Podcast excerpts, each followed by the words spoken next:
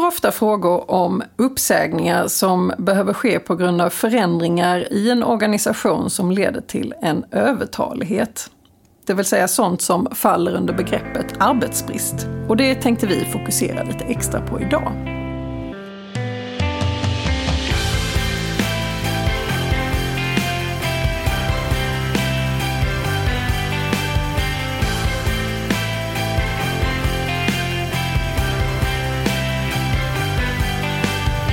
Hej och välkommen till Arbetsrättspodden. Podden för dig som verkar inom HR eller hanterar personalfrågor i din vardag. I vår podd vill vi erbjuda nya infallsvinklar och dela med oss av vår kunskap för dig som arbetar inom HR-området. Jag heter Emelie Svensäter Järntorp och arbetar som advokat inom arbetsrätt här på Vinge. Och med mig idag har jag min kollega Åsa Gotthardsson som är delägare och specialist inom arbetsrätt och arbetar på vårt Stockholmskontor. Hej Åsa! Hej! Ja, idag ska vi fokusera lite på begreppet arbetsbrist och vad som är viktigt att tänka på vid en uppsägning på grund av arbetsbrist. Jag tänkte också att vi skulle avsluta med några tankar om situationer där det kanske inte är helt uppenbart att det är en arbetsbristsituation. Men om vi börjar från början. Vad är en arbetsbristsituation? Ja, men det är alla situationer där eh, man säger upp personer utan att det har att göra med de personliga omständigheterna. Och med personliga omständigheter, vad menar du då? Det är typiskt sett prestationsproblem eller problem med attityd eller andra beteenderelaterade problem hänförliga till en individ. Eh, samarbetsproblem och, och liknande situationer. Så egentligen allting som inte är det. Det är alltid dåligt att definiera någonting som någonting negativt. Men så vad, vad skulle då kunna vara en arbetsbristsituation? Ja, men man pratar om tre typsituationer kan man säga. Och den självklara situationen är när det, när det finns ekonomiska skäl att dra ner på antalet anställda. Och då kan man ju till exempel lägga ner en rörelse helt och hållet eller så minskar man antalet anställda för att man har minskad efterfrågan på produkter eller tjänster. Och sen har vi organisatorisk arbetsbrist där det snarare är, alltså organisationen kräver en förändring helt enkelt. Vad kan det vara för någonting? Ja, men det kan till exempel vara att man har en säljorganisation och en kundsupportorganisation där personalen är uppdelad helt och hållet och separata från varandra. Men när man vill åstadkomma en gemensam organisation där säljarna också jobbar med kundsupport och skälet till det kan ju vara ekonomiska skäl, det vill säga att man vill ha en effektivare organisation. Men det kan också vara så att man tror att man kan ge en bättre kundupplevelse till exempel för att man organiserar sig på det viset. Och kanske en bättre upplevelse för de som arbetar också. Precis. Och eh, det tredje eh, som jag nämnde då var teknisk arbetsbrist och det fick jag faktiskt eh, igår en fråga från en klient om vad är det? Och det är ju, om man ska liksom vara lite lustig då, så kan man, kan man uttrycka sig som att det är inte en brist på arbete, men det är ändå arbetsbrist.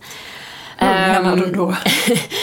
och då pratar vi om den situationen där man, där man vill åstadkomma en förändring eh, i befattningarna utan att det är eh, brist på arbete. Det kanske är så att man vill byta ut anställda mot maskiner eller så vill man hyra in personal istället.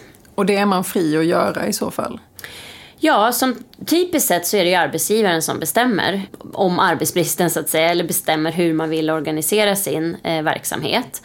Eh, har man kollektivavtal så kan det ju finnas skäl att förhandla frågan och det finns också vissa situationer när det gäller att hyra in arbetskraft där facket faktiskt kan lägga veto.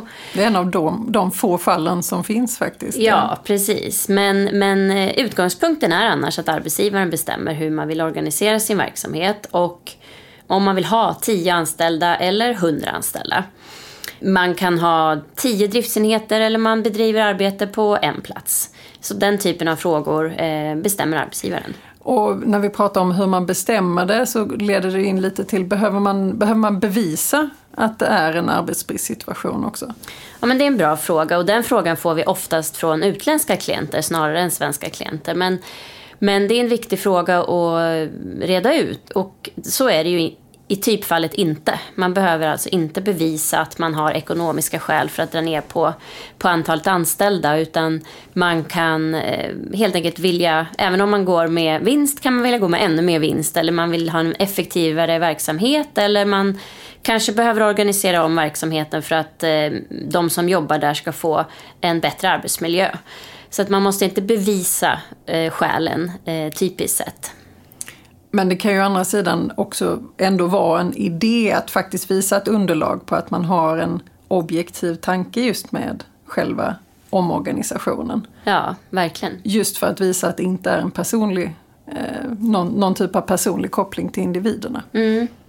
Det är ju väldigt viktigt när man är i en arbetsbristsituation att man börjar med eh, just att man utgår från organisationen och befattningarna man har och att man funderar på vad är det vi vill åstadkomma och åstadkomma då med, med liksom företaget, affären, organisationen, inte med att få bort vissa individer. Mm. Så helt och hållet koppla bort det i, i åtminstone det första steget. Ja, men precis. Och där ska man ju börja med organisationen. Och ofta har man ju kanske ett organisationsschema där man, eh, där, där, organisa där man visar helt enkelt så här ser organisationen ut idag och så här tänker vi oss att den ser ut framöver egentligen tydliggör det både för sig själv och även då ifall man behöver visa det externt vid en förhandling eller något liknande. Ja, men precis. Mm.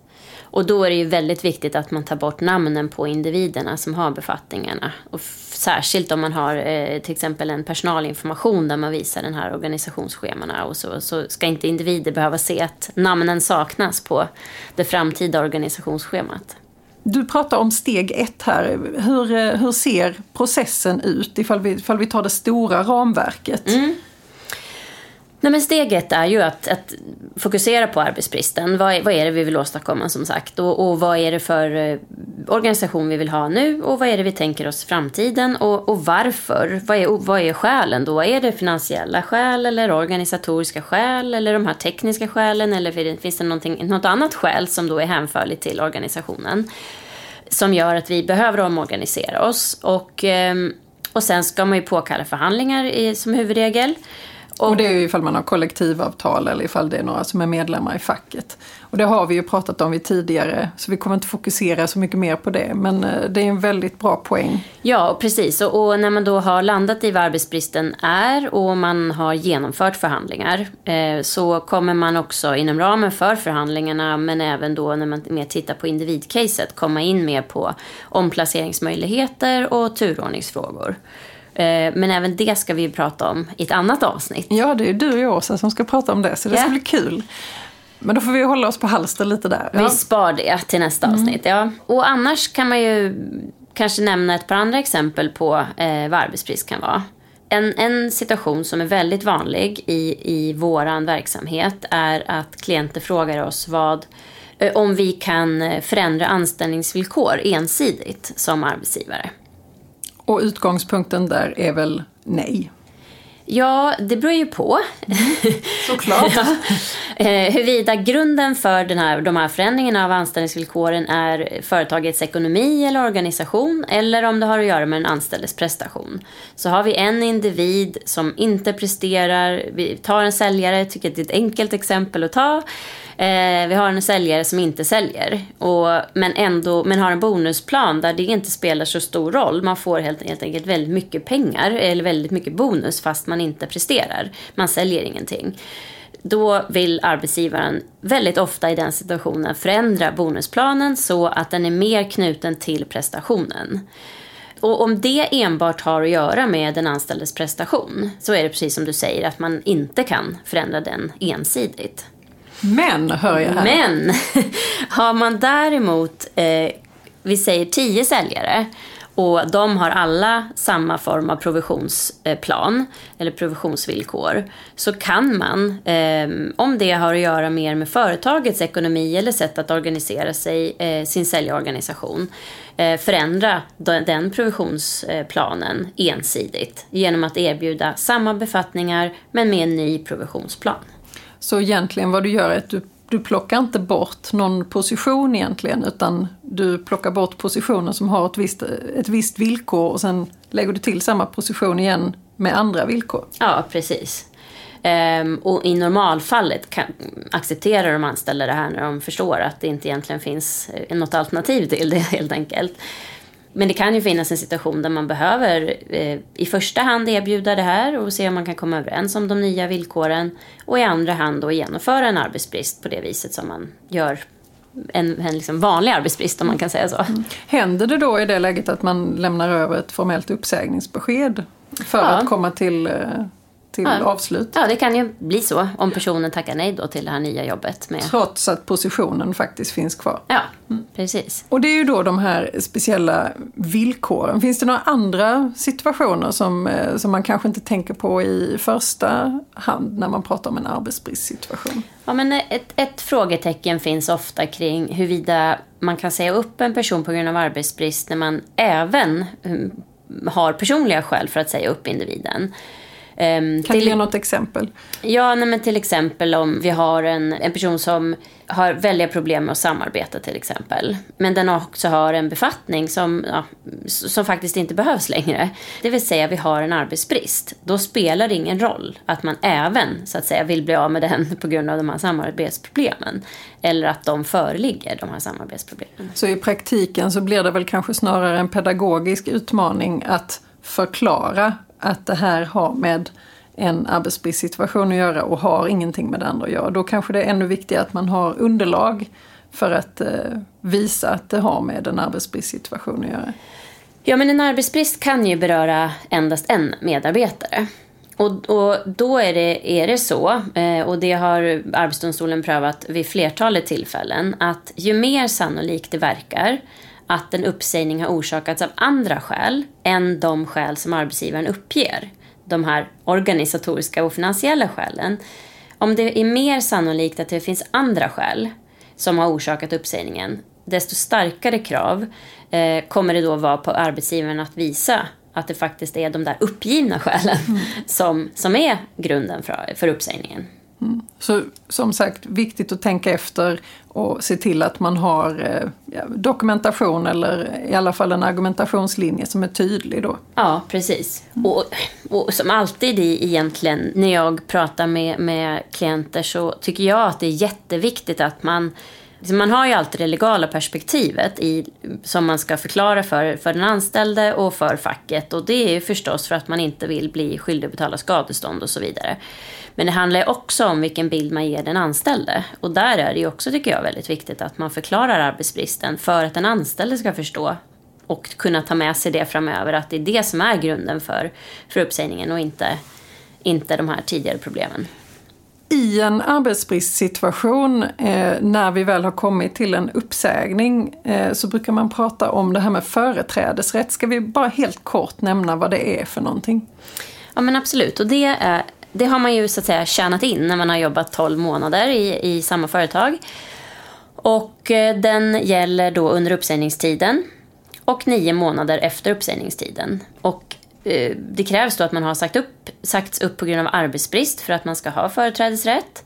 Och eh, det det innebär är att man har företrädesrätt till en, en tjänst som blir ledig helt enkelt och som man har tillräckliga kvalifikationer för.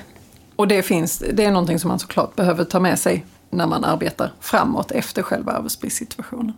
Jag tror att vi får anledning att återkomma till det i ett senare poddavsnitt faktiskt. Vad, vad ska man ta med sig, de tre viktigaste bitarna från det vi har pratat om här? Då tycker jag att den, det första är att en arbetsbrist alltid är hänförlig till organisationen och till befattningen och inte individer.